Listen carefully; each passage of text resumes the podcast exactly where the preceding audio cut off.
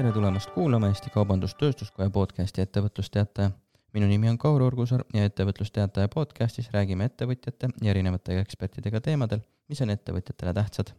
tänases saates räägime pereettevõtlusest IT-ettevõtja Ants Sillaga, kes on Baltic Computer Systemsi ja BCS koolituse omanik ning juhatuse esimees. tere, Ants! tere, aitäh kutsumast! räägime täna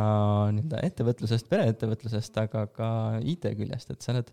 täna, töötad BCS-is, oled BCS-i omanik, ma saan ka juhatuses, et kuidas läheb IT teemal täna üldiselt ja teenustel? aitäh! eks see viirus on meid kõiki mõjutanud ja, ja pihta oleme saanud meie ka. ja ka õnneks tänaseks julgeme öelda, kolm korda koputades ja üle õla sülitades, et et ennekõike on see tähtis, et, et meie inimesed ja, ja teadaolevalt ka, ka nende lähedased valusasti pihta saanud ei ole. ja täna kõik terved ja vaktsineeritud, aga ettevõttel ikkagi möödunud aastal koolitustegevus läks ju täiesti kinni. ja oli seda mitu kuud ja siis oli vaja põhjalikult tegevus ümber vaadata tänaseks tõesti IT-sektoril tui-tui-tui läheb äh, suure töö tähe all ja ka koolitusturg äh, digioskute osas on, on järjest suurem. nii et selles osas äh, tööd on ja mis veel soovida ja põnevat tööd sa mainisid koolituste osa läks täiesti kinni, et ma saan aru, et te tegite peamiselt nii-öelda füüsilisi koolitusi, et kus olid klassiruumis koos või? jah, e, enne seda pandeemiat e, ikkagi e, klassiruumi kontaktkoolitused domineerisid ikkagi sellises seitsekümmend viis protsenti või veel rohkem. tänaseks klassiruumi koolitusi veel on, aga, aga selgelt vähemuses ja, ja see, kui kiire see areng ja veebikoolituste aktsepteeritus, kui rii-, kiiresti see on toimunud, see on ikkagi väga äge. Mida me oleme kümme aastat enne proovinud, äh, on nüüd aasta-kahega kiiresti toimunud. aga, aga kui me räägime BCS-i kahest poolest, eks äh, kus see alguse ja, ja tuumikpool on olnud IT-teenused ja, ja küberturbe, no siis seal tõi see pandeemia nagu selgelt kohe tööd juurde. ja, ja päris palju tööd juurde, et et see läheb jõudsas joones, nagu ka IT-sektori kohta üldine info teada meil on. kuidas meie töötajatel üldiselt IT-oskustega on, kui peaks niimoodi üldistama? no Eesti peab ikka uhke olema selle üle, loomulikult võime öelda, et eh, tiiger võiks teha gasellihüppeid ja mida kõike, aga üldistes oskustes oleme me ikkagi maailmas päris heas pildis. Mm, me ei me küll täiesti tipus ei ole ja seal punnida palju veel on, meil ikkagi on umbes noh, natukene alla saja tuhande inimese, kes ei ole digikeskkonnas, eks, ja see on kogu riigile ja ja kogu ka nendele inimestele ikkagi nagu selge puudujääk ja, ja see, see on mure. aga vabadus valida, kas ma tahan arvutis olla või ei ole, no seda, seda me oma riigis tahame hoida aga miks need inimesed äh, nii-öelda digipoole ei ole liikunud või ei ole tahtnud seda sammu astuda, on sul mingisugune hüpotees? issanda loomahed on ju kirju ja, ja kõik on seal äh, huvitavad ja väärtuslikud. kindlasti äh, on ikkagi põhiline see, et, et osad näevad, et nad ei saa sellest piisavat väärtust ja, ja see on ka kuidagi vastumeelne ja tülikas ja eks ta ikka keerukas on. kui me võtame kõiki neid programme, äppe, äppe ja lahendusi, mida meil on vaja igapäevases elus ja töös kasutada, noh, see keerukus ikkagi tihtipeale läheb üle mõistuse. ja, ja noh, eks, eks ta sealt tuleb. ja see isegi ei ole päris nagu vanusest kinni, et me räägime ainult pensionäridest, kes seda ei tee, meil on ikkagi ka selge seltskond keskealisi, kes on täitsa selgelt eemal. ja siis ma saan aru, see ei ole tegelikult ju ka alati miinus, et see on, nad on ise selle valiku teinud ja saavad ilusti hakkama, siis on kõik ei ole mõtet sundida? jah, aga eh, kui me mõtleme ühiskonda ja riiki tervikuna, eks siis meie sidusus ja, ja ka toimetulek ja, ja ka kulud ikkagi sõltuvad päris palju sellest tehnoloogiast. ja kui me peame kõikide teenuste puhul hoidma elus ka paralleelkanaleid, eks, kui, kui kas või mõni kodanik ütleb, et, et ma tahan seda teha paberi peal, järelikult kõik need protseduurid peavad olema võimalikud ka paberil ja see on väga kallis. ja, ja, ja mõelge, kui palju ikkagi noh, on, on see tehnoloogia toonud kasu kas või peresuhetes noh, laste ja vanematega suhtlemisel, eks, et sellest kõigest jäävad nad eh, ilma ja eemale. ja, ja kindlasti see on vabadus, aga, aga on ka probleem. mainisid pereteemasid, liigume ka siit nüüd BCS-i köögi poolele võib-olla. et ma saan aru, sa oled ettevõtte aastaid tagasi loonud ja täna siis andnud juhtimise üle juba nii-öelda kahele tütrele, Annile ja Liisile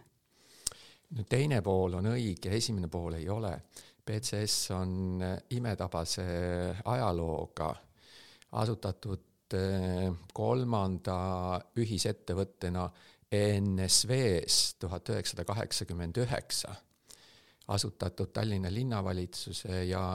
ja Stockholmi linna IT-ettevõtte ühisettevõttena BCS-i asutamisdokumentides on Nõukogude Liidu armee kindralstaabi ja KGB peakorteri luba, mis annab Tallinna linnale loa selline ühisettevõte asutada. See oli siis äh, tuhat üheksasada kaheksakümmend üheksa ja, ja, ja muidugi siin muutuste käigus ja erastamise käigus ka, ka Tallinna linn oma osalusest loobus ja, ja meie siis äh, juhtkonna võtmeisikutega tegime sellise klassikalise väljaostu management buyout'i. ja BCS-ist on välja kasvanud palju ettevõtteid, äh, aja möödudes on need teed läinud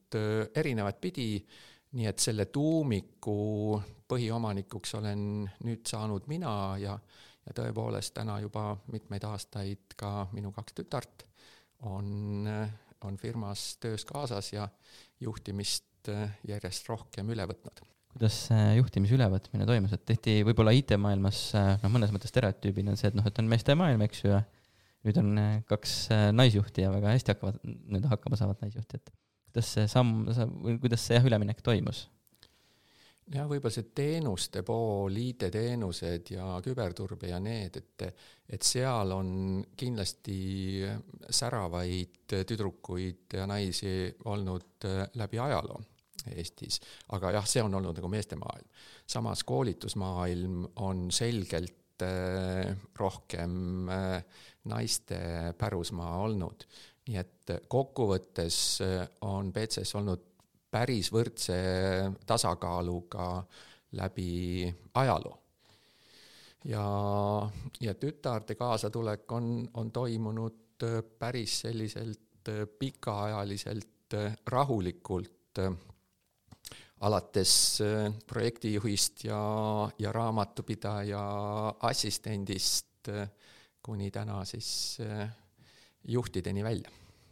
et on siis mõnes mõttes niimoodi BCS-iga kasvanud koos? jaa, no kindlasti juba koolipäevist on meil pilte, kus väikesed tüdrukud olid suvepäevadel kaasas ja sealt tundsid pea kõiki töötajaid pere, paljud pereettevõtted ütlevad esimese asjana kohe välja, et noh, me oleme pereettevõte ja siis tuleb tegevus, et teie puhul seda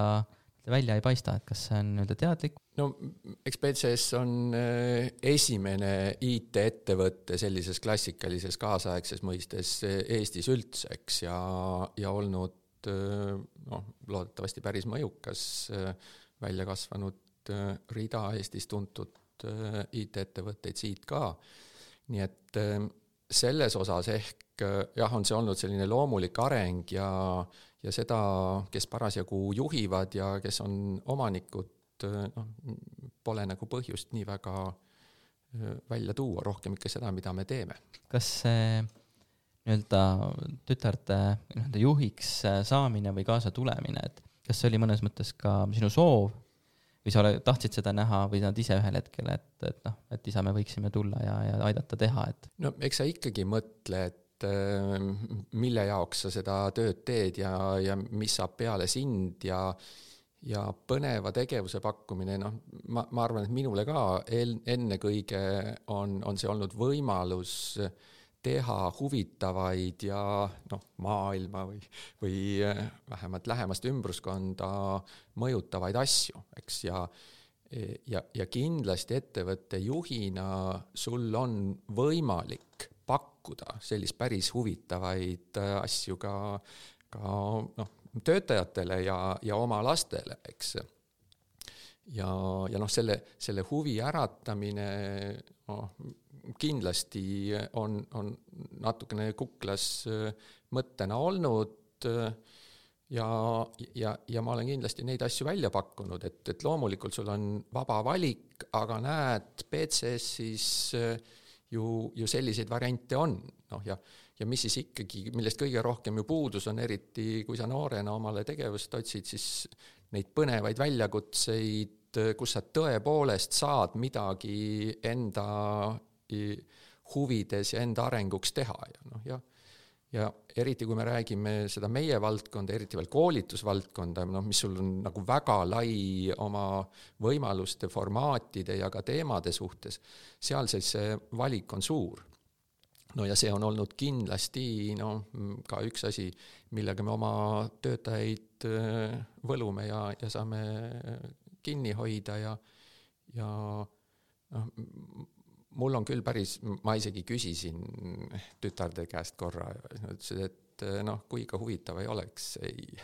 ei siis äh, siin ei oleks. see huviga on ikkagi niimoodi kaasas käinud, et päris vastu tahtmist ju midagi teha ei saa, eks? no ja no E, eks see minu arvates on ainukene ja peamine tegur, kuidas sa üldse oma, oma lapsed sellisesse ka, ka perefirmasse kaasa saad, eks. ja kuidas sa seda huvi üleval hoiad ja, ja nende sunnimehhanismidega ära ei tapa, noh, mingil moel on see tänaseni õnnestunud. aga kuidas tulla toime või kuidas sa täna tuled või kuidas te tulete tegelikult toime selliste olukordadega, kus tütar, tütardel või ühel tütrel on üks mõte, sul on võib-olla teine mõte ja on võib-olla generatsiooni erinevusi, need kaks noh, kohe esmasel pilgul nagu kokku ei sobi, et no eks need on sellised äh, juhtimise teemad ju, ju klassikalised, eks äh, vaated on erinevad, arusaamad on erinevad, vahel paned midagi puusse, vahel tuleb geniaalne mõte, millest äh, teised aru ei saa. no ma, ma isegi arvan, et see peresuhe võib seda mingil määral natukene lihtsustada, eks. et siis lihtsalt see juhi positsioon noh, ei, ei maksa nii palju. noh, meil kõigil on mitte nii geniaalseid momente ja, ja noh, ma, ma arvan, et äh, tütrel isale ei ole väga keerukas öelda, et äh, kuule, nüüd sa ajad küll täielikku jura. et mõtleme nüüd korra selle rahulikult läbi, mida võib-olla noh, nagu vahetul alluval oma ülemusele noh, nii kerge öelda ei ole. saab nüüd ausamalt Äh, tagasisidestada. jah, ja, ja, ja just, ja, ja teades üksteist ja noh, teades ikkagi, et see, et see usaldus ja parima tuleviku soov on nagu raudselt äh, selle pere taga, noh, mida ta ju noh, reeglina ju on, et see annab selle kindluse ka, ka otse öelda, et see tundub nüüd küll üks vale tee meil on praegu ka püha, pühade aeg, et äh, kuidas, kas tööteemad liiguvad ka nii-öelda, ma ei tea, jõululauda või sünnipäevalauda? pigem ei liigu, et, et selliseid tõsisemaid diskussioone selles pereringis, kui lapsed, lapselapsed äh, kokku saavad, äh, noh, mingisuguseid konkreetseid huvitavaid teemasid küllap arutatakse. aga jooksva juhtimise konkreetseid teemasid jah, noh, õhtuti helistades, kui keegi sõidab trenni või sõidab koju ja, ja siis arutada need teemad läbi ja küsida ka, kuidas lastelastel läheb ja, ja, ja mis te nädalavahetusel plaanite ja sinna kõrvale rääkida ka need konkreetsed teemad läbi küll. aga jah, et seda, et meil noh, üks asi nädalavahetuse veetmisel või, või suusatama minnes tööteemad domineeriks, seda ei ole ja ja pigem on see nende noorte, võib-olla ma isegi noh, võib-olla olen töö, olen töökesksem, kui nemad suudavad seda tasakaalu võib-olla paremini leida. no kui sul on väiksed lapsed, siis see tasakaal on ka loomulikult rohkem paigas et kas, kui te olete koos palju äh, nii-öelda tööraamis, et kas hiljem ei teki seda tunnet, et noh, et mis me siin ikka, ma ei tea, lähme koos suusatama või sa ütlesid sporti teha, et kas seda tunnet teiselt poolt ei teki? No üks, üks, üks oluline teema on, on kindlasti see nagu tööjaotuseks, kui sa, kui sa tood järgmist või järgmist juhti tood sisse ja ja, ja seda nagu täiesti üle ei anna, eks, et kui, kui nii mina kui tütred on koos seal juhtimisel siis see keerukas teema kahtluseta on, on olnud nende reviiride või vastutusalade määramine ja me algul olime nende järjest rohkem seda juhtimist äh, üle võttes, olime sellel kohal, et, et noh, et kes siis ikkagi see otsustaja ja, ja, ja juht on, eks. et äh, kui need piirid on, on päris selged, äh, noh siis äh, meil võib küll juhtuda, et oleme küll kõrvuti tubades, aga päeval ütleme kolm korda tere ja kuidas läheb ja ja, ja õhtul tunned, et noh, kas me nüüd ikka nägime või ei näinud. noh, nii et ei, ta on päris selline loomulik, loomulik tasakaal ja, ja selles osas on nagu, ma arvan, hästi sa mainisid nii-öelda juhtimise üleandmist, et kaua teil see protsess võttis või olete te siiamaani seal protsessis? no meil, meil õnneks on, kuna see tegevusala on nii lai, eks, ja, ja, ja selliseid erinevaid äh, algatusi, ka rahvusvahelisi projekte, RD projekte on, on nagu päris palju tulemas, eks, et siis äh, noh, ma olen saanud seda tegevjuhtimist rohkem nende peale ja nad on olnud valmis seda samm-sammult võtma ja, ja ise olen saanud äh, tegeleda selliste konkreetsemate teemadega. nii et ta on läinud nagu päris hästi ja, ja, ja suhteliselt valutult, kuna enne seda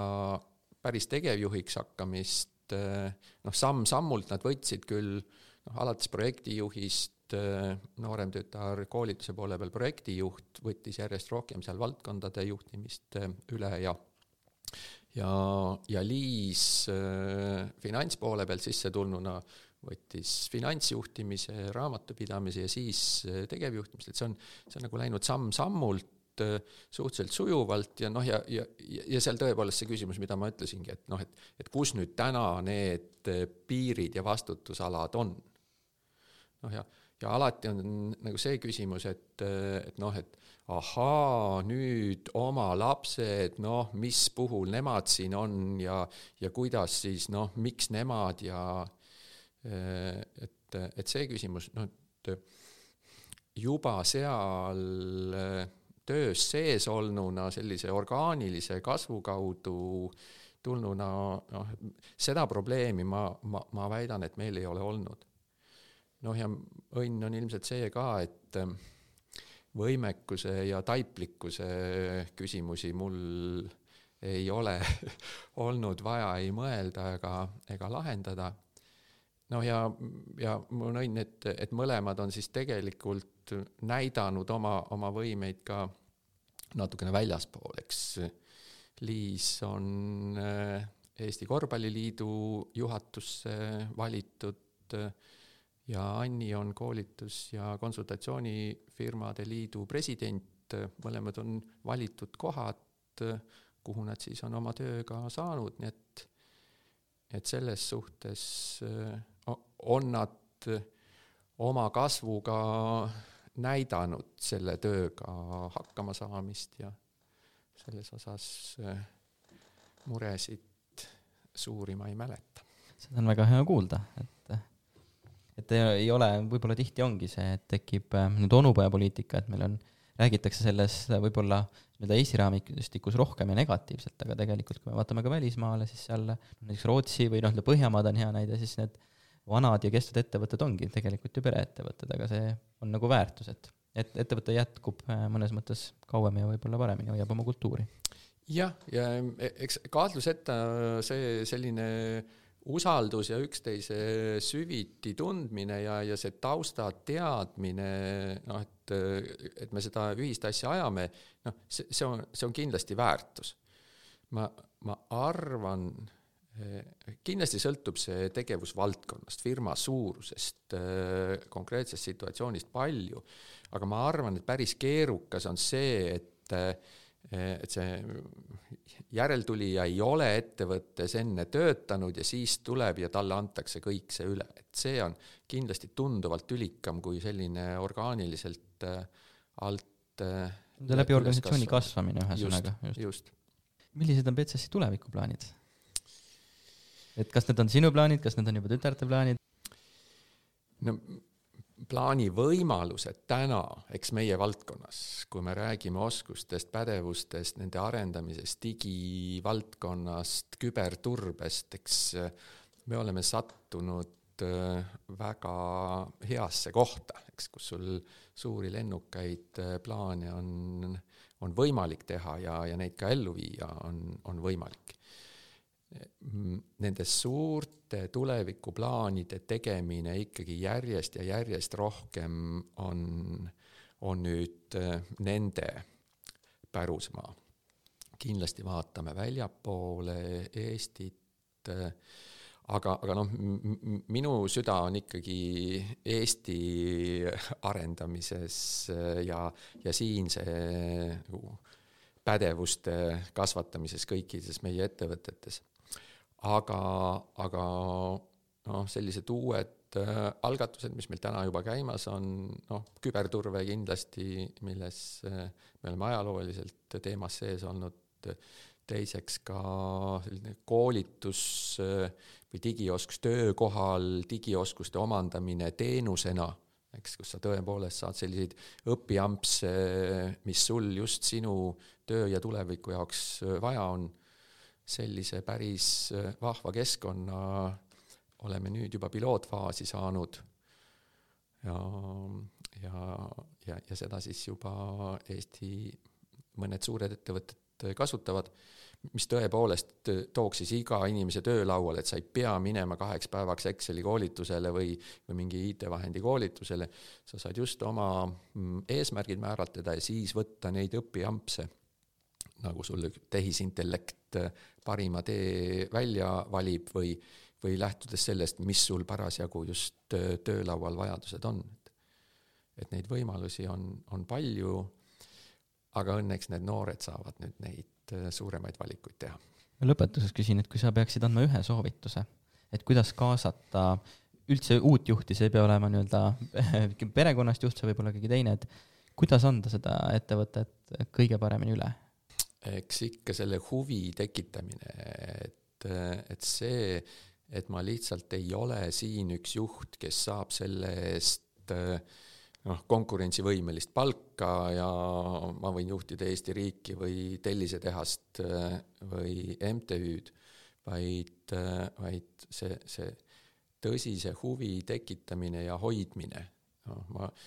no ennekõike on see laste puhul, eks noh, kuidas teistmoodi sa paned neid oma pereettevõttest huvituma. aga, aga ilmselt see on ka see, et, et kuidas sa juhte kaasad, kas, kas sa oskad ja suudad selle huvi seal leida ja, ja elus hoida. suur tänu, Ants, selle meeldiva vestluse eest! aitäh!